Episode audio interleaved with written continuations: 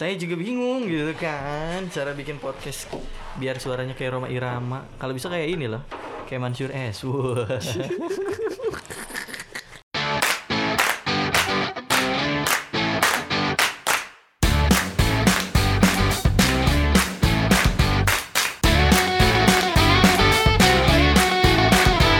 satu podcast. Oke, selamat datang kembali di uh, di balik on air Tangerang Radio di podcastnya Tangerang Radio nih. Wah, kali ini uh, bareng Haritz lagi yang kemarin udah ada episode sebelumnya tuh yang ngobrol-ngobrol bareng Gia Cynthia. Sekarang ngobrol bareng Om Semi Burhani. Halo. Halo. Kok pakai Om sih? Emang aku oh, iya. tantemu. Oh iya benar ya. Padahal eh tante aku nggak menikah sama anda loh pak. iya. iya. Aku sama uh, aku manggilnya apa? Hmm? Bapak Semi apa gimana? Rekan Semi. Rekan. Kan aku rekan kamu, rekan Yo, eh. Bersama rekan saya ini dia Semi Burhani. Wah. Ya. Eh, uh, rekan rekan Semi, bagaimana kabarnya? Iya bro aja. Bro, eh, tampilan anda sudah ini loh, sudah rocker sekali. Rocker sekali ya. Iya. Uh, Tapi rambut anda. Karena hari Jumat rocker. rambut anda kenapa jadi ngepop? Gak nyambung ya ngepop rambut. iya ngepop. Malam ini kan musialan pop rock. Oh iya bener ya, rock klasik. Emang menurut gua Om Semi adalah uh, salah satu penyiar yang totalitas. Iya. Dia kalau kalau ke radio terus eh, nggak uh, pakai sepatu kalau nggak nggak apa ya nggak pakai sepatu pakai sepatu saya iya selalu pakai sepatu oh, gitu iya. selalu memperhatikan lookingnya padahal kan radio kan nggak dilihat nih tapi iya. Om Semi kayaknya ngejaga banget sama penampilan Ya, ini nih yang pengen gue tanyain juga. Sebenarnya, kenapa sih Om Semi kok selalu ngejaga banget penampilan di saat on air gitu? Menurut saya penampilan itu uh, nomor dua setelah hobi itu siaran okay. buat saya hobi mm-hmm. karena hobi saya senang makanya ekspresi kesenangan itu juga jadi tampilan saya kecil banget suaranya ya Iya, nggak oh. apa-apa sebenarnya Padahal mah. mikrofonnya harganya jutaan loh, mm -hmm. Berarti agak dikit lagi katanya. Oke, oke, oke. Tadi berarti penampilan nomor dua setelah hobi. Iya. Nah, hobi itu juga menurut saya ada yang orang bilang pekerjaan itu ya cuma sekedar pekerjaan atau untuk mencari nafkah tapi pekerjaan saya hobi saya nah itu dia Mm-mm. benar gue aku setuju aku setuju maksudnya uh, ini juga salah satu hobi aku ya cuman aku nggak terlalu memperhatikan penampilan sih ke sini pakai kadang pakai sendal gitu iya, kan iya. tapi kalau musim enggak kan Uh, di sisi lain saya juga berpikir begini, suatu saat kalau gitu mm-hmm. ada pendengar datang mm-hmm. dan saya ini kan saya siaran itu kan bekerja. Mm-hmm. Nah bekerja kalau pakai sandal kayaknya gimana gitu. Wah berarti ini oh. yang namanya profesionalitas. Gila, gila gue suka gitu banget loh. sama profesionalitas Om Semi. Tapi bukan berarti gue juga nggak profesional, karena gue emang orang Baduy. iya tuh bawa madu. oh, benar benar benar.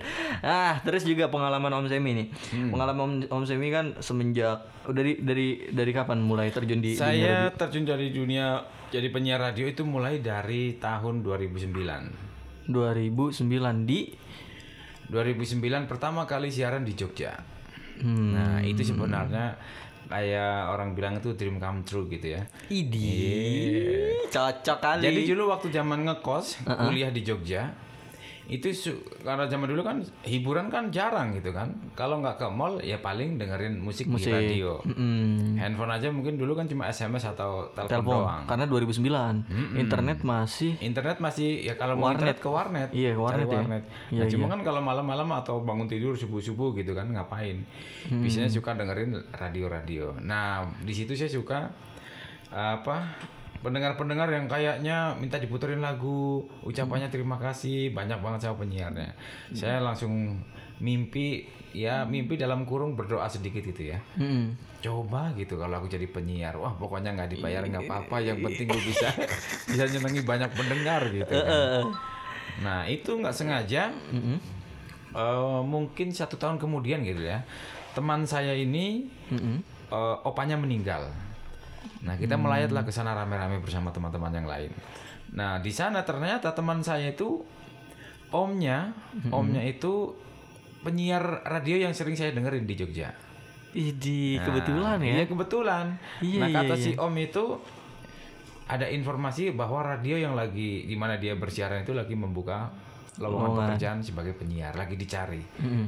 Nah, karena dulu waktu itu saya lagi skripsi, udah nggak ada kerjaan apa-apa, bolehlah iseng-iseng saya masukin CV. Hari berikutnya dipanggil, di di apa eh, dites, kemudian suaranya direkam. Nah, si yang punya radio ini, si owner radio ini dia suka dengan karakter suaraku. Wah iya, Iya. itu suara bapak unik pak, bener asli, beneran keren keren suara bapak tuh keren Tapi banget. waktu itu saya nggak bisa ngo- ngomong aja, kadang masih ada celat-celatnya, terus masih apa ya, dibilang masih hmm, Masih awam. lokatnya, lokat Jawanya masih kental. Terus cara ngomong, cara bikin skrip nol sama sekali nggak ngerti sama sekali dunia broadcasting. Tiga bulan di training sama senior-senior, mereka nyerah semuanya. Bu, Iya, mereka pada ngadu ke bos, udahlah nggak usah aja ini nggak usah dipakai udah tiga bulan nggak ada kemajuan apa-apa. Akhirnya dicemplungin lah sama si bos, dicemplungin pokoknya kamu siarannya tuh nggak baca aja, nggak usah ngomong yang lain, baca aja. Ini skripnya udah disiapin. Padahal siaran request tapi baca. Lucu banget. Iya, iya, Ya udah iya. tapi akhirnya bisa, ya bisa. Akhirnya mandiri mandiri udah bisa, benar. Hmm. Jadi eh, kalau nggak salah satu tahun siaran di radio itu.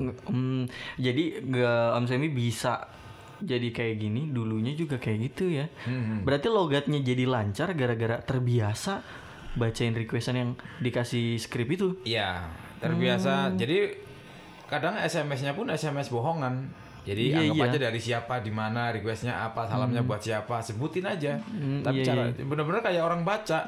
Tapi Iya, ditegur terus. Setiap hari direvisi sama bos. Kurang begini, kurang begini, udah bagus, udah lagi tingkatin lagi. Lama-lama jadi keren makin maju. Itu yang ngebuat sekarang jadi jadi apa ya? Jadi Om Semi punya standar sendiri akhirnya. Iya nggak Iya. sih? Iya, akhirnya waktu itu siaran itu karena aku merasa menikmati siarannya tuh begini. Eh, dunia radio dulu kan waktu itu pikirku memang buat iseng kan pertama kali iseng masukin CV siapa tahu gitu jadi penyiar. Bener jadi penyiar. Tapi akhirnya begitu lulus kuliah ternyata nggak ada duitnya jadi penyiar Nah, itu gara-gara gara-gara bapak bilang di awal kan, yaudah nggak apa-apa saya jadi penyiar eh, nggak dibayar juga nggak apa-apa doanya gara-gara dikabul." ngomongnya ngomongnya terlalu lengkap begitu iya doanya. Coba kalau misalkan bayangin eh, aja saya sejam dibayar 7.500 waktu itu tahun 2009. Wah, 7000 kecil banget, Pak. 7.000 tapi tiap hari siarannya satu hari siarannya eh, rata-rata 4 jam. Ya hitung aja lah. Saya hitung pertama kali gaji dari penyiar itu 650 ribu per bulan. Wah, tapi segitu masuknya kecil lah. Kecil banget. 2009 eh, motor udah eh mo- motor udah udah belasan juta kan? iya iya. Iya kan, wah itu ke- masih- masuknya kecil sih, wah parah sih. Tapi kalau andai kan bapak pas waktu, kok gue ngomongnya bapak lagi, Eh, rekan semi waktu itu berdoanya, nggak apa-apa gue siaran dan juga eh, nggak apa-apa eh, gede gajinya gitu. Nah, harusnya gitu Mungkin doanya langsung jebret gitu kan, jadi miliarder. Karena dari dulu kan mikirnya ah masih skripsi atau masih kuliah masih ada subsidi Iya, dari orang tua kan kiriman gitu. Pikirku ya ngapain yang penting seneng-seneng. Hmm. Tapi begitu sudah selesai kuliah aku masih siaran di situ. Ya berpikir ini orang marketing banyak banget duitnya. Dikit-dikit dapat fee marketing, fee marketing, kita. jualan iklan, jualan talk show iya. Lah, kita, kita yang gitu ya. ujung tombaknya di radio cuma segitu-segitu doang. Nice. Iya kalau pendengarnya de- seneng gitu kan datang bawain sesuatu banyak kan begitu. Nah memang saya ngerasain juga. Tapi akhirnya dari situ saya mulai belajar dunia marketing pertama kali di radio. Hmm, oh jadi ada kelebihan lain nih ceritanya nih dari Om Semi. Gue gue baru tahu juga. eh ternyata Om Semi peka terhadap marketing.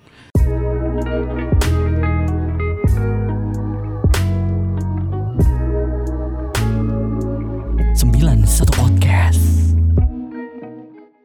Gimana kar- ceritanya tuh? Karena ya itu karena dulu saya penghasilan wah 650 buat apa sementara semakin ke sini makin tambah banyak Naik. kebutuhannya. Mm-mm.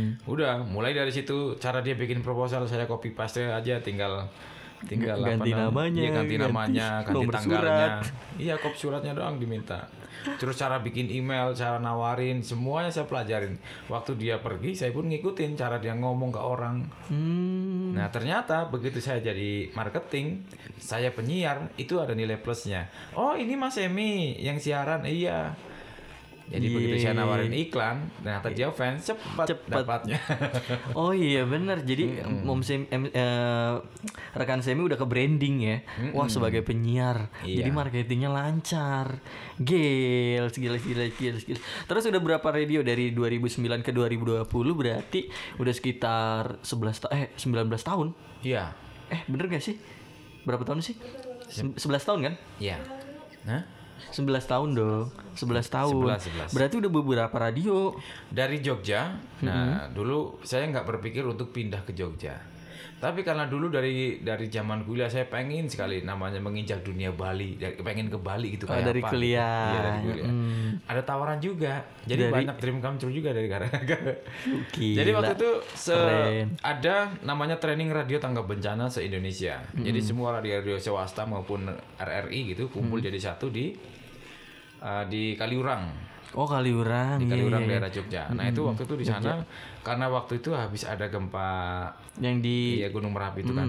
Ya udah kalau nggak salah eh, itu dikumpulin semuanya. Nah saya yang notabene orang baru di radio situ malah saya yang mewakili radio itu. Hmm, yang di Jogja itu yang Iya. Begitu mewakili banyak lah ketemu teman-teman radio yang yang yang dari berbagai daerah termasuk dari Bali itu. Nah, ini nih seru Nah, nih. station manajernya orang Bali itu nawarin saya, "Sam, kamu ke Bali aja." Mhm. Serius, iya. Aku udah nggak mikir gajinya, yang penting Balinya. itu ya coba kalau misalkan eh, sebelumnya ada ada kata-kata kayak wah bisa saya ke Bali tapi kita deal dealan dulu gitu dulu saya nggak pernah mikir itunya dulu. Mhm. Yang penting di sananya dulu saya pengen nyampe Bali karena ya nggak tahu ya. Begitu nyampe sana, eh apanya job desk saya itu siang marketing, malam siaran. Tapi gaji saya gaji marketing, siaran tetap saya dapat dibayar per jam seperti biasa. Terus gimana tuh Ya kalau waktu di Bali sama asing arti kan saya nggak- pernah ke sana. Jadi marketingan pun itu saya pakai triknya. yang kayak di Jogja itu Kalau di Jogja kan sudah ngerti daerahnya karena udah lama tinggal di Jogja. Nah di Bali kan nggak ngerti sama sekali jalan-jalan juga nggak ngerti. Kalau sekarang mungkin handphone pakai GPS enak dulu mana tahun ada. 2000 itu nggak- Itu zaman BBM dulu itu. Maps tuh Ma- Maps tuh belum belum terlalu ngehits belum terlalu kepake tahun segitu belum belum. Tapi akhirnya ya itu dulu koran masih ada ya. Jadi Hmm, oh iya Jadi pertama kali saya belajar marketing di Bali itu untuk cari apa ya? Cari orang yang lagi butuh iklan itu dari koran. Saya baca koran yang hari ini pasang iklan di koran itu apa aja? Oh pasti ada nomor teleponnya kan? Hmm. oh telepon Iya, saya telepon, saya minta alamat eh, bukan alamatnya sih, kalau nggak email atau enggak eh, saya mau kasih tawaran. Nah, apa penawaran pakai surat. Udah. Jadi hari itu ada berapa, saya langsung bikin surat penawaran, saya tanya ke bos, ini alamatnya di mana? Saya keliling pakai motor. Sendiri ke Denpasar tuh keliling. Nah, waktu itu dari Gianyar ke Denpasar lumayan jauh. Tapi nekat. oh sejauh apa om berapa kilo Iya, ibaratnya itu kan eh, beda kabupaten ya. Eh, wow berarti Iya. sekitar satu jam Iya. setengahan iya. kalau nembus setengah kabupaten tuh Cuma kan waktu itu di Denpasar nggak cuma satu tempat. Setiap kali toko sambil lewat gitu, oh kayaknya ini lagi grand opening saya catat alamatnya atau namanya. nah, besok saya samperin, Besok samperin, iya nitip ya buat si bos. Begitu udah nitip, minta nomor teleponnya. Nanti dari kantor saya telepon, bisa nggak? Kemarin surat udah sampai belum? Bisa nggak hari ini saya datang? Hmm. Begitu saya datang kalau mau ketemu bos pakai mobil kantor. Iya kantor. Eh. Jadi buat image marketingnya, wah ini radionya keren nih, marketingnya aja bawa mobil kan gitu. Iya iya benar-benar. Jadi kelilingnya waktu kan passing pakai motor. Cuma naruh-naruh surat aja. Lumayan Keren keren. gitu. Kira-kira eh, sempet tahan berapa tahun bos waktu itu? Di Eh, Bali. Di Bali itu setahun kira-kira setahun lah ya. Nah setahun itu dulu gara-gara radio di Bali itu kenapa saya ditarik ke Jakarta itu gara-gara salah satu surat legalitasnya radio itu belum muncul. Udah diurus semuanya cuma belum muncul. Nah waktu itu di Bali ada ketua Balmon ganti baru Balai Monitoring. Iya boleh motor ganti baru orang Ya, gitu. ganti ketua Balmonnya ganti. Jadi dia lebih saklek, lebih tegas. Barang siapa yang radio, Tidak, iya, yang suratnya belum lengkap jangan siaran. Wadaw. Termasuk radio kita. Udah dari situ. Kena. Iya. Nah tiga bulan saya nganggur Di Bali. di Bali. Iya, Bali di- kehidupannya dimati receivernya ditarik semuanya. Wah, parah. Dengan tiga bulan itu berarti Om Semi ngisinya gimana dong? Ya paling yang di saya dikejar-kejar sama klien-klien saya kok nggak on air Hmm. kok radio apa iklan-iklan saya nggak diputar udah akhirnya kita kembalikan beberapa terus ngerti radio kita lagi di ini ditariklah saya ke Jakarta. Yang di Jakarta bantu di Jakarta udah di situ Hmm. Oh berarti di Jakarta juga. Oh iya ada. Di Jakarta ada radionya di Tamrin. Iya kan? iya gak sih? radionya enggak waktu itu eh bukan di Jakarta sih di Karawaci tepatnya di Oh, Lipo di- di Lipo Nggak di Lipo. Oh berarti nggak nggak ngelanjutin dengan merek yang sama. merek yang sama Oh, iya? karena itu kan radio network Hmm. Jadi pusatnya justru yang di sini. Nah karena dulu waktu saya marketingan di Bali Iya, itu iya, iya, lumayan lumayan gede marketingannya. Iya, bagus sekali. Iya suruh bantuin ke pusat aja daripada nganggur. Nah akhirnya saya kebablasan di sini. Hmm. Sampai tahun berapa di sini Om? Di sini sampai saya belajar produksi. Saya akhirnya diangkat jadi apa kepala program satu siaran terus terus diangkat jadi program director. Pokoknya semuanya yang berputar tentang radio saya jabanin semuanya. Gila. Jadi ada orang produksi nih duduk di sini lagi lagi ngotak-atik bikin iklan. Saya diminta suaranya. Terus saya sambil cari-cari tahu ini program apa, gimana caranya. Pas dia nggak ada saya ngotak-ngatik. Iya, iya, iya. Makanya seluk beluk dunia radio itu akhirnya dari mulai produksi, marketing, siaran, bikin skrip Bisa sampai digini-gini. iya jadi program director. Hmm. Bisa semuanya. Nah, karena udah bisa semuanya, akhirnya saya diutus ke Lampung jadi station manager. Oh, Di, pern- di network yang di Lampung iya. Network di Lampung. Gils, gils, gils. Berarti udah berapa radio kira-kira kalau dihitung-hitung sama Om Semi? Hmm, 12 ada 12. Wah, banyak Nggak banget 12 lah. mah. Iya kan. Jogja, Bali, Lampung, terus di Tadi ada- Karawaci, ada Karawaci. radio online. Kalau di Karawaci pun ada dua, yang satu online, yang satu yang pusat ini. Berat- Itu. Tapi kehitung kan, masuknya Iya, kehitung. kehitung. Berarti sekitar 5 leb, limaan ya. Eh, berarti Iya dong. Jogja, Jogja, Bali, Bali, Tangerang ada dua, Jakarta satu, Lampung lima. 5 kan? 5 radio yang udah disambangi selama 11 tahun. Mm-mm. Wow, wow, wow, wow, wow. Dengan teknik vokal yang hmm, apa ya? Ciri khas vokalnya udah jelas banget sih kalau orang dengerin. Wah, Iya. ini Semi Burhani. Pasti gitu kan. Ah, keren, keren, keren, keren. Kenapa Om Semi bisa hobi gitu? Hobinya karena radio begini.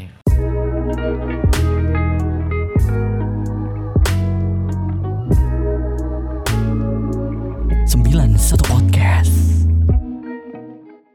Hmm, ternyata saya waktu itu dulu pernah eh, apa sih namanya Eh, kayak konseling gitu ya konseling Ah. untuk menggali potensi diri. Sebenarnya saya tuh lebih tajam di mana? Karena ketika orang tajam di situ ini kata orang ya itu iya, pasti akan melejit. Kalau kamu udah ketemu tanya-tanya oh kamu jadi penyanyi. Begitu dia masuk ke satu apa ikut eh, bakat gitu kan dia langsung melejit atau begitu dia pokoknya begitu ketemu usahanya kamu cocoknya di air wah dia main air cocok sukses misalnya Tapi itu perlu diasah juga kan? Mm-mm, tetap Iya dulu kan? biasa. Nah sebenarnya setiap kita kan semuanya semua kan dikasih potensi-potensi itu. Iya, Tinggal benar, mana yang benar. menonjol, mana yang kita mau pertajam. Tajam. mm. Nah ternyata dari beberapa saya ngobrol ke dosen, ngobrol ke teman-teman yang lain, yang yang psikolog, yang konselor, ternyata saya lebih suka mempengaruhi orang. Eh, Mempengaruhi orang juga kan banyak. ada yang nipu. jadi marketing, jadi penyiar radio, jadi presenter TV, semua kan mempengaruhi. Oh, membawa mood ya. Iya. Iya, iya, iya. Nah Kirain akhirnya aku hmm. yang paling aku nikmati marketing sama radio itu jadi penyiar radio. mantap. Gila. Iya, kayaknya paling seneng gitu ya ngulik-ngulik perasaan orang Hmm. dari lagu dikupas lagunya ini maksudnya apa, terus nyentuh pendengar, wah pendengar kelepek-kelepek. itu kayaknya seninya di mana gitu. Tapi pernah pernah nggak ada pendengar yang sempat bener sempat kelepek-kelepek kayak sempat jatuh cinta, sempat Nggak cuma gimana? ada, banyak. Gila, gila dari tampilan eh, bapak saya lihat nih bapak ini wah fansnya Ya, banyak. Tapi kadang ada yang nggak bener juga. Eh, gimana tuh? Kalau di Jogja gitu ya, Hmm. karena kan biasanya fansnya itu apa yang kita puter. Kalau lagunya lagu jadul, ya orang-orang jadul yang ngefans. Iya ya kan? Bener, bener, Kalau lagu-lagu campur sarian atau lagu apa ya ya udah tahu sendiri segmentasinya udah kelihatan, ya kan? Nah, makanya dulu waktu di Jogja eh, lumayan 50-50 lah ya yang yang memang yang seumuran sama yang kebanyakan apa Oh, umuran orang dewasa. Iya, dewasa-dewasa. Nah, itu mereka hebatnya kalau di Jogja itu kan kan Hmm. banyak pendengar yang dari Kaliurang, dari dari arah laut itu kan. Hmm. Mereka datang ke situ Jadi yang mereka kasih itu hasil bumi. Mereka punya kebun alpukat, bawa alpukat sebanyak-banyaknya. Hmm. Saya ditunggu Mas Emi, Mas Emi, saya udah pulang eh, pulang siaran. Mereka cegat di gang. Waduh. Karena takutnya kalau ngasih ke saya, yang lain cemburu. Iya. Jadi mending ngasihnya jangan di depan yang penyiar yang lain. Di Ngasihlah ke saya. Itu udah sering. Setiap kali kalau waktu di Jogja setiap kali pulang siaran mungkin seminggu tiga kali pasti saya bawa sesuatu pulang ke rumah. Pemberian pendengar. Gila keren. sampai ada nih waktu itu ke waktu di Jogja jadi ada oma-oma usia 80 tahun. Setiap kali request lagunya itu dulu Oma-oma ya. iya kan kita kan namanya penyiar kan harus pintar gimana caranya supaya dia kenal lagu yang lain. Yang ini aja oma biar nggak bosan gitu Oke, tapi besok lagi balik lagi ke lagu itu. Nah, ternyata Tapi kita bisa belokin. Iya, tapi emang dibelokin dia sekali dua kali. Besoknya request lagu itu, Itu lagi. lagi. Nah akhirnya pernah nenek itu si oma ini dia kirim surat. Kirim surat itu eh, kertas folio bergaris itu kan ada empat halaman. Nah empat halaman itu full tulisan tangan dia. Wow. Jadi tulisan orang zaman dulu gimana sih? Wow. Kayak tulisan sambung gitu Iya ya. sambung rapi itu pun agak kadang nggak kebaca karena 80 tahun oma-oma. Jadi bunyi dari surat itu adalah dia mengucapkan terima kasih sudah diputerin, sudah ditemenin malam-malam. Bayangin aja oma-oma, anak cucunya udah pada pergi semuanya, dia hidup sendiri. Walaupun mungkin ada ada cucunya ada apa, tapi yang menemani siapa? Radio. Kita sebagai Iya. penyiar jadi eh tapi bener om. Ketika ada eh, pendengar yang ngasih eh, feedback kayak entah eh, tulisan atau barang-barang atau makanan itu juga ke kitanya kayak yang wah berarti nih di eh, saat gua siaran dia ngedengerin dan siaran kita tuh dia sukain. Ya, gitu kan? Itu ada, ada ke hmm, ada sedikit kebahagiaan di hati kita yang Iya, kayaknya itu nggak bisa bahagia. dibeli sih sebenarnya. Di situ yang paling serunya. Ya nggak sih om? Iya. bener kan? Ya aku merasa di situ merasa berhasil jadi penyiar bisa nah mempengaruhi itu orang. dia berhasil. Benar benar benar benar benar Itu- tapi nggak ada nggak ada yang kayak akhirnya jadi pacar om semi. Aduh. Nggak ada sih. Yang nyaris-nyaris banyak cuma nggak yang ada. tipis-tipis gitu ya Ah, gimana Dulu, sih Jadi waktu di Bali ada nih, tapi itu bukan pendengar sih dia anak magang dari Australia, wow Indo gitu. Jadi papanya bule, mamanya orang Manado. dia dia tinggal di Australia apa gimana Enggak dia datang ke Bali lagi eh, apa sih namanya kayak magang gitulah. oh magang Ya, siap siap, tapi siap. tentang tentang dunia Bali. Nah sementara waktu itu di kantor itu yang bisa bawa mobil cuma aku. Jadi ke mana-mana. enak sekali Nah, bapak kalau siaran dia nemenin dia dengerin. Kalau kalau pagi ya kayak tour guide lah ngajak dia keliling sama orang asli Bali situ. Nah dengar punya dengar dia ngejar-ngejar. Gue bilang nggak bisa, saya nggak mau. kenapa Tapi mau, akhirnya saya kasih kesempatan terakhir waktu dia sebelum pulang. Ya sudah kita kan biasa kebiasaan kita kalau habis siaran sore-sore habis kerja sama penyiar kita turun ke bawah tuh. Udah nyampe di laut di dekat Sanur. Hmm. Ini dekat Sanur ngajak dia. Kita sampai malam karena besoknya minggu udah saya kasih kesempatan. Oke nggak apa-apa kamu bonceng saya. Tapi ini malam terakhir karena besok kamu mau pulang. Idi. Dari kemarin udah pengen banget dekat-dekat cuma gue bilang enggak. Eh, berarti bapak Paling punya segitunya. punya standar sendiri ya. Mm-mm. Gila gila. Tapi orang Australia itu eh, bisa bahasa Indonesia. Bisa. Bisa Karena kan lancar. ya. Hmm, itu pengalaman yang sangat ciamik sekali sih. Wow, keren banget. Selama pandemi nih. Eh enggak enggak sebelum sebelum nanya gua selama pandemi nih om, gua nanya dulu, kenapa akhirnya nyantol ke Tangerang Radio? Oke. Ini nih menarik. Jadi nih. saya sudah lama waktu itu mungkin setahun kali ya saya nggak siaran. Tetap namanya penyiar gitu kayaknya pengen kangen siaran lagi gitu ya. Hmm, hmm, hmm. Ya sudah waktu itu dari siapa gitu informasinya atau dari Instagram kalau nggak salah ya Instagram kali ya. Di Instagram. Iya di Instagram udah saya nanya-nanya kirimlah email apa CV itu lamaran itu. Ini pun lama banget direspon. jangan jangan jangan jangan ketawa dulu nih guys jangan ketawa dulu guys orang yang ngasih yang ngurus CV-nya ketawa tadi itu lama banget ya Iya, tapi akhirnya ya ketemulah sama teman-teman di sini dan aku diterima jadi penyiar. Nah, saya berpikir gini, apa?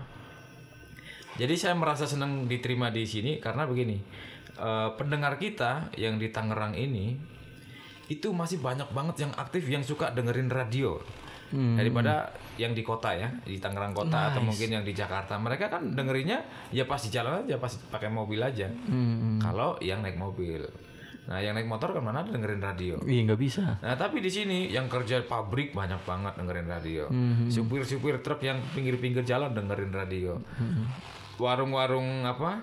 Nah, tenda yang di pinggir jalan kaki banyak lima. banget. Iya, kaki lima itu banyak banget yang dengerin radio dan mereka masih eh, apa ya? Bukan pendengar pasif, pendengar yang aktif. Responnya selalu ada. Iya iya iya benar. Setuju setuju setuju.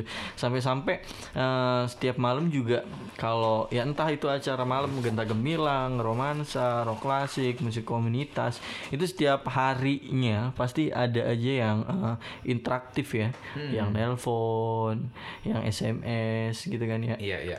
Bener bener bener. Yang SMS enggak sih, yang nelpon doang. Dan eh, kemarin-kemarin juga sempat ada yang ke sini ya, Om. Ada, ada Ada ya? beberapa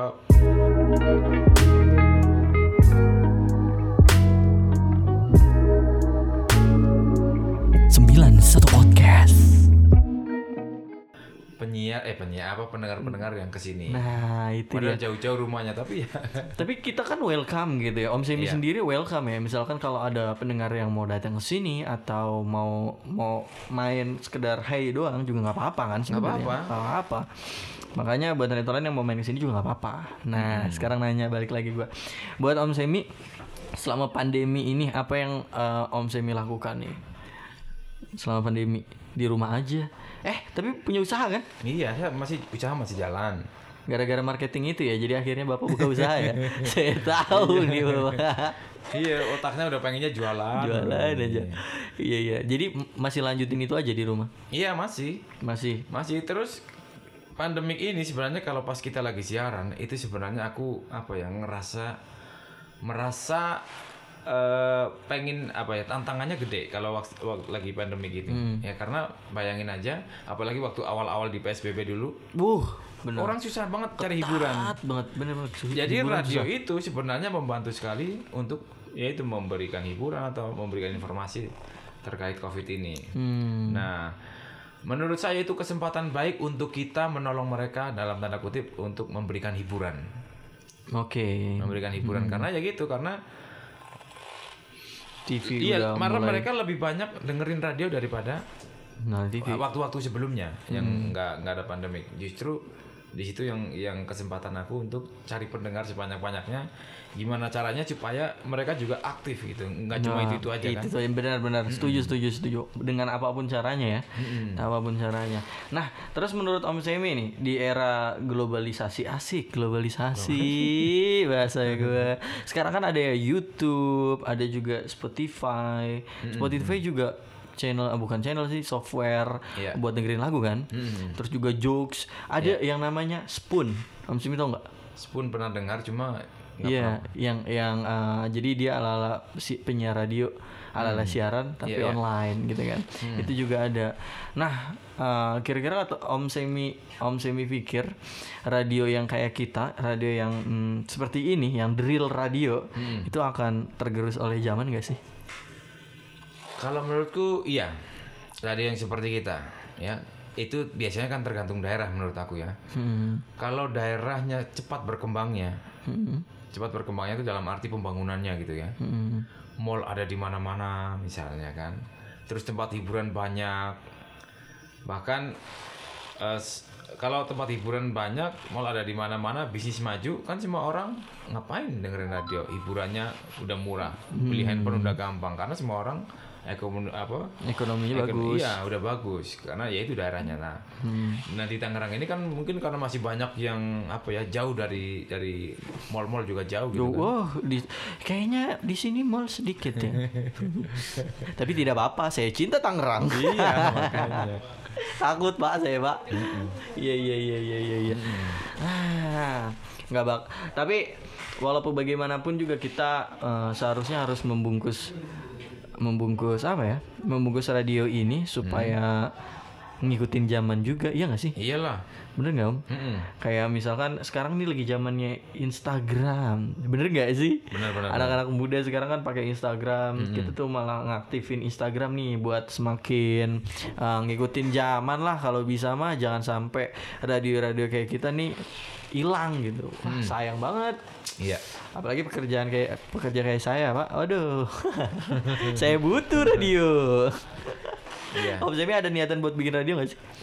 Dulu sudah sempat hampir bikin, Terus kenapa? tapi online ya, pakai Oh, website. oh, Nah, website. jadi Terus? cuma dulu karena ya pengennya kan berdua sama teman. Nah temennya nggak kompak ya sudah akhirnya nggak jadi. jadi waktu zaman zaman apa namanya? Zaman radio online itu belum terlalu gitu kan. Mm-hmm. Tahun berapa ya? Jadi kan beberapa tahun kemarin itu radio nggak cuma on air frekuensi aja. Iya. Akhirnya mereka sampai bikin apa namanya? Frekuensi online. Ya eh, radio streaming, kemudian eh, sambil siaran tapi sambil direkam, dimasukin ke website atau ke YouTube gitu kan. waktu Betul itu. betul betul. Nah semakin ke sini malah akhirnya banyak yang online semuanya radionya malah. Nah itu malah akhirnya kita yang aku sendiri malah ketinggalan mereka udah maju semua wah udahlah saya udah mikirin yang lain. Mm, mm, mm. Iya Nah, sih, tapi iya tetap sih. rasanya itu akan berbeda dengan radio yang seperti ini. feel-nya, Feelnya akan berbeda. feel-nya. Bener Iya setuju. karena ini kan nggak nggak delay terus nggak apa namanya Kalau delay ya berarti PC-nya mati. Mm-mm. Itu Terus doang ya? Bener-bener siarannya tuh langsung, Langsung. dan konten-konten lokalnya dapat. Hmm, Gitu iya, kan. betul. Karena kalau radio itu kan diciptakan sebenarnya untuk lokal masing-masing per daerah masing-masing. Nah cuma kan ada ada radio yang bergaya Jakarta walaupun siarannya di mana pun. Setuju, setuju, setuju, setuju. Ya mau bagaimanapun juga kita harus tetap survive sih. Iya iya iya. Mau nggak mau ya. Makanya ada yang radio streaming di YouTube, Hmm. di website. Iya. Ya kan, itu buat salah satu cara buat tetap survive di dunia radio ini. Asik, asik, asik, asik, asik, asik. Terus eh Om Semi sendiri, hmm, menurut Om Semi di Tangerang ini yang kalangan pendengar radio, iya, kira-kira di usia-usia berapa nih? Pendengar yang mana nih? Yang yang Om Semi siaran? Kalau yang saya siaran itu kebanyakan eh apa ya? Kayaknya hampir semua umur ada deh. Mulai dari umur eh, 20-an lah sampai 50-an tuh ada. Ada. Gila, berarti ngegait semuanya dong. Iya.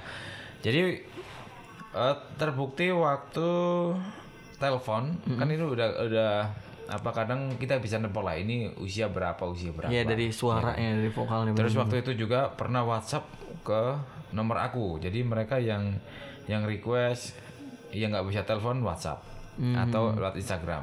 Dari Instagram atau dari WhatsApp aja udah kelihatan. Udah kelihatan. Dari foto Hmm, profilnya foto profilnya. atau dari gaya-gaya foto mereka lah. Itu Wah, berarti gaya siaran Om Sam itu bisa diterima sama banyak usia. Iya. Bagus dong. sampai pernah ada bukan pernah ada ya, tapi banyak gitu yang berkomentar dari pendengar-pendengar itu. Wah, Mas Emi, pendengarnya ini banget loh apa namanya dibilang semua umur ada ya gitu. Dari yang muda sampai yang tua ada semuanya.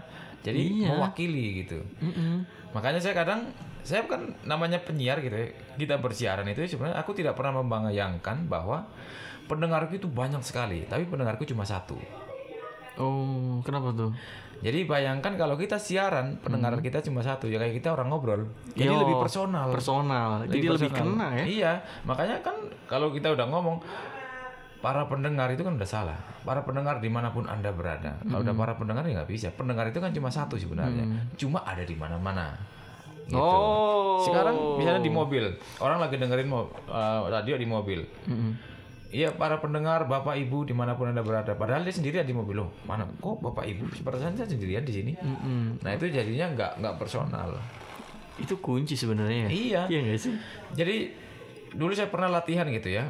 Kalau aku pengen radio ini apa pengen kontennya radio bisnis atau aku ngomong sama orang yang bisnis maka aku taruh foto di depan ini foto orang yang benar-benar gayanya gaya Kayak orang pembisnis. bisnis. Iya. Tapi kalau aku pengen ngomong sama ABG ABG ya aku taruh foto di depan itu Foto ABG. Iya orang-orang ABG SMA kan pasti itu akan refleks untuk cara ngomong kita, konten kita kan ikut-ikutan ke sana.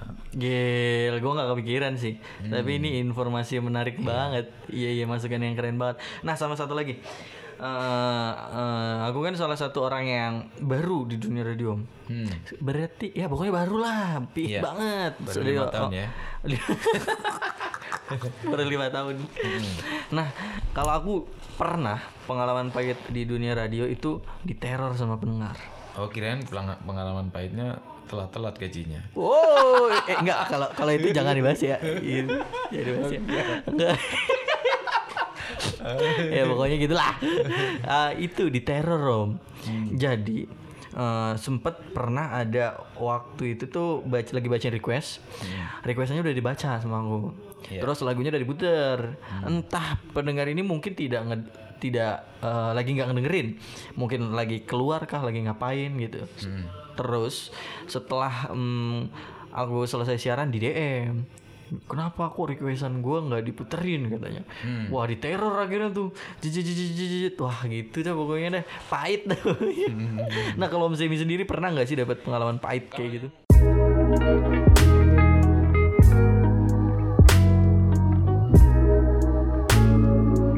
Sembilan satu podcast Begitu-begitu sebenarnya sering, cuma tinggal kita aku balas. Oh tadi sudah diputar, mungkin pas lagi nggak dengar atau saya sudah bacain eh, apa requestannya, tapi mungkin pas deng- nggak dengar atau misalnya lagunya nggak ada, tapi aku udah terlanjur bilang ada. Iya kan? Atau tuh? aku ganti yang lain tanpa sepengetahuan dia. Kalau dia diem aja, berarti ada dua dua alternatif. Dia nggak dengar, atau dia dengar tapi ya sudahlah gitu Hmm, ya kan tapi ada juga yang memang dia berani kok nggak diputar? Atau misalnya kok lagunya nggak ada?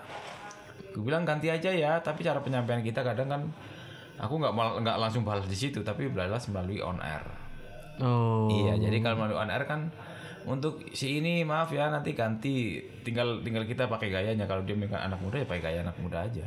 Supaya dia nggak merasa tersinggung atau gimana kadang i- suka dukanya kita kan gitu menjaga perasaan banyak orang Nah itu dia kita aja perasaan kita nggak ada yang jaga curhat deh Gue tuh udah nahan-nahan tadi cerita ceritanya Tulan. Tapi emang gitu, penyiar radio tuh berarti salah satu orang yang mm, ha- bisa bukan bisa sih peka terhadap perasaan orang lain. Iya. Dari suaranya aja Iya. dia harus bisa peka gitu. Wah, ternyata ini orang pengennya galau banget nih lagunya, gitu kan? Hmm, sampai saya bisa ini loh eh, apa ya?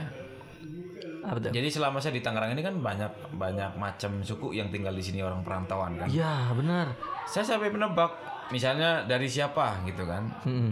dari namanya aja udah kelihatan ini nama orang Indonesia Timur. Bahkan kadang dari suaranya sekalipun dia samarin namanya mungkin orang Batak tapi dibikin orang Sunda ja- apa namanya misalnya kan.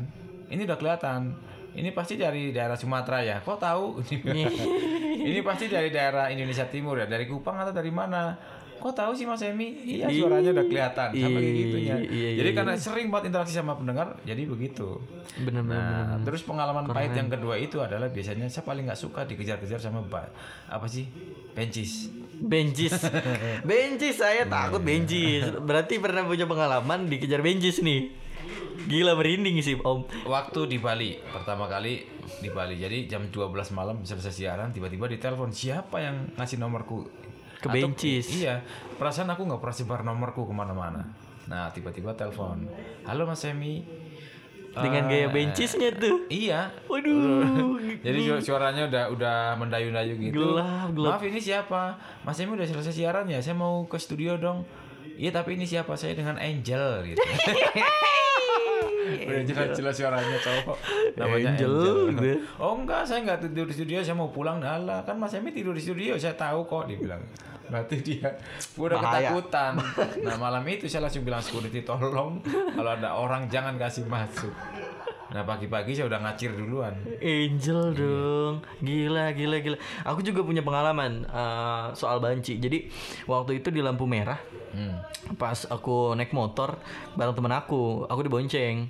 Nah, banci pas eh, di lampu merah itu kayaknya ngamen tapi minta duit pas ke aku sambil nyolek-nyolek. Wah, ngeri dong. Itu sih pengalaman yang menurut aku di pikiran aku tuh kayak wah kayaknya gue dicium nih.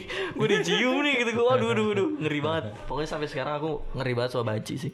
Di Tangerang sini juga pernah nih. Jadi aku langsung blokir. Pokoknya saya punya prinsip gini. Oke, saya kasih nomor saya.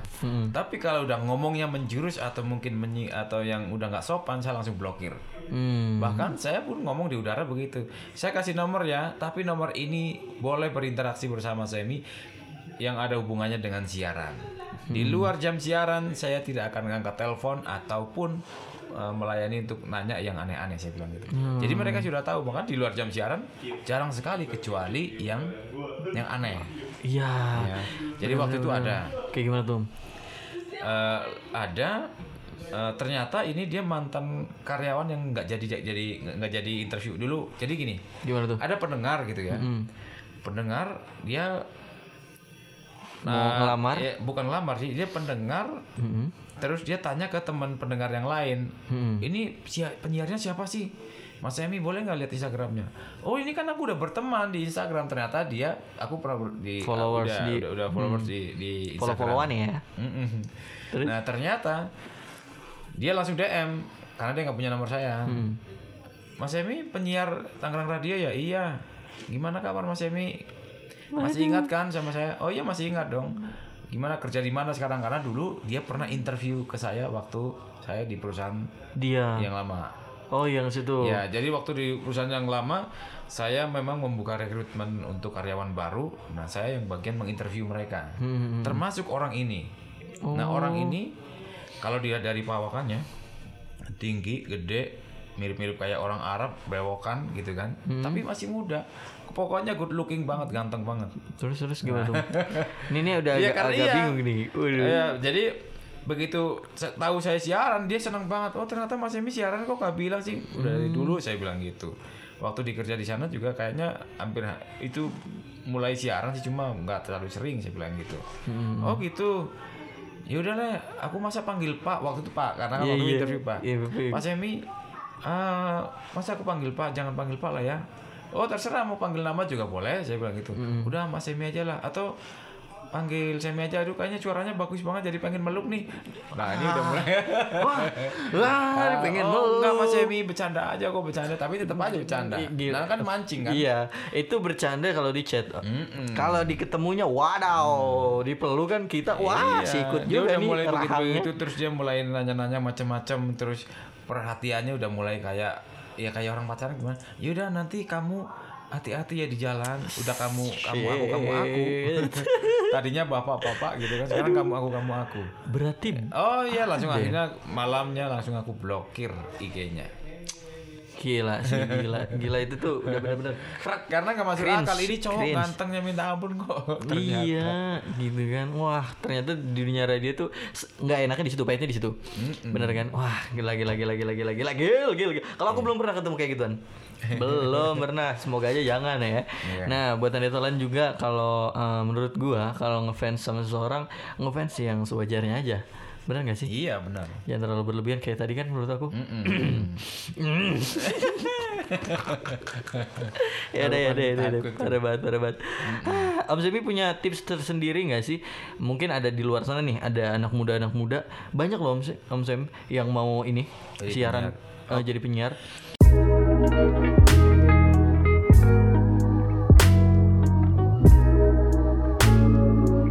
Sembilan satu podcast Sebenarnya gini, sekarang materi suara atau zaman dulu orang yang mau, mau jadi penyiar radio pasti yang paling utama didengar adalah materi suara. Materi suara tuh kamu suaranya ngebas gede, bariton atau enggak atau kalau cempreng udah pasti nggak diterima zaman dulu. cuman dulu Tapi sekarang siapa kamu? nice Kalau kamu seorang yang mungkin followersnya banyak, kamu terlalu berpengaruh atau mungkin kamu seorang artis mau jadi penyiar itu saking gampangnya, ya kan? Hmm. Saking gampangnya karena yang penting karena zaman sekarang kan buat jualan kalau kamu followersnya banyak, radio ini ikut terangkat. betul Sekalipun suara kamu jelek. Hmm. Tapi yang paling utama materi suara. Tadi kalau zaman dulu, sekarang materi suara nomor sekian. Kalau dari suara yang penting kamu jelas ngomongnya gitu loh. oh Ya kan sekarang artikulasinya artikulasinya benar ngomong benar. ayu nya tuh jelas. Nah, terus yang kedua adalah minimal wawasannya itu ya umum lah ya. Kita ajak ngomong aja, ngomong apa tuh ngerti nyambung. Karena suatu saat kalau kamu jadi penyiar, kamu akan bertemu narasumber-narasumber dari kesehatan, dari pendidikan, ngomongin uh, fashion, ngomongin apa, itu harus nyambung semuanya. betul Gitu. Nah, minimal wawasannya diolah atau minimal kalau diajak ngomong nyambung lah. itu sih yang paling dasar. Ah, jadi buat buat kamu semua yang pengen banyak yang nge-DM kan. eh, gimana dong jadi jadi eh, penyiar? Ke ke aku juga banyak banget tuh. Banyak banget. Riz, gimana sih caranya jadi penyiar? I don't know, maksud aku kalau lu bisa ngomong aja itu bisa jadi si penyiar, iya nggak sih? Iya, iya. Iya kan? Ya, Semuanya bisa dia- dilatih kok, Iya. dipelajari. Benar benar benar. Yang penting lu bisa ngomong. Ya kalau lo nggak bisa ngomong ya gimana jadi penyiar? Mm-mm. iya kan? Itu kasar banget tuh yang penting lo bisa ngomong gitu. Nanti lah kapan-kapan kita buka kelas penyiar ya. Eh, beda loh orang marketing mah ada celah dikit sundul sayang. Eh, his mantap. Tunggu ya kelas broadcasting nanti. Iya, nggak nggak apa-apa om, nggak apa-apa. Nanti kalau ada Handi Tolan eh, siap-siap aja ikutan gitu. Oke, dan kira-kira ada ada pesan-pesan tersendiri nggak nih dari Om Semi buat semuanya supaya eh, semuanya tahu buat bahwa Om Semi ini salah satu penyiar yang ganteng, yang keren, yang banyak fansnya lah.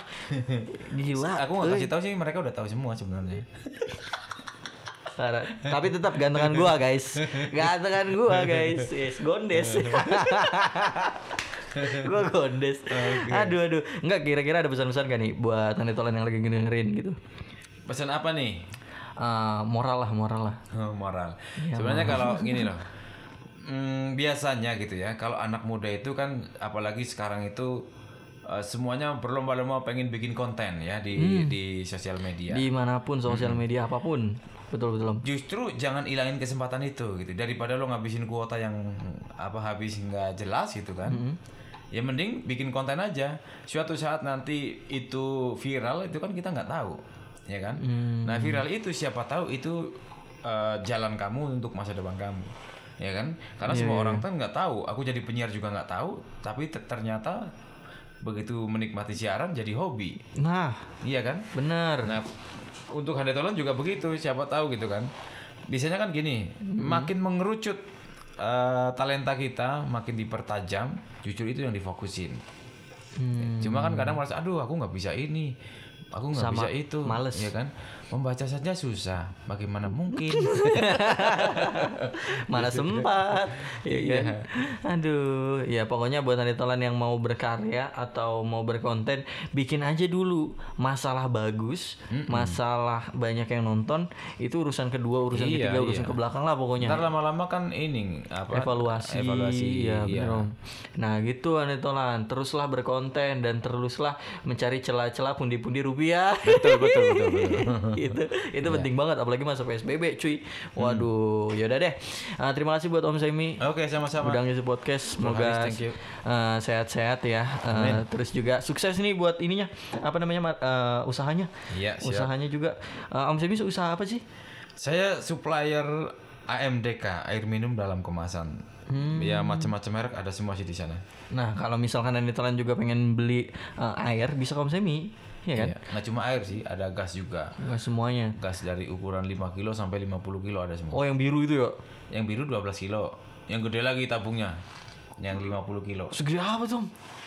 Kayak- Biasanya buat apa tuh? Yang kayak di tukang las tukang las itu, tapi Oh, dia yang- lebih gede, tingginya segitu. Oh segitu, no Anetolan jangan bingung kalau misalkan wah Iya. gua mau buka buka bengkel las nih Buat pabrik-pabrik biasanya tuh. Wah iya nyari gas ke mana? Katanya. Om Semi saja. Iya.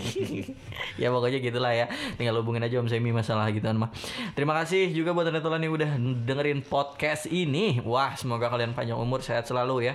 Aku juga pengen bilangin jangan lupa untuk pakai masker terus. Iya. Jangan lupa pakai hand sanitizer no. Om Semi juga semprot-semprot. Set set set set. Biar kita putus nih mata rantai virus coronanya ya Om ya. Yuk. Ya pokoknya thank you very much. Makasih banyak banget buat Om Semi Sama-sama. Dan buat Anetolan juga Akhir kata Haris pamit Dan ada Om Semi juga pamit Terima kasih. Dan bye-bye Bye-bye. Sampai ketemu lagi ya.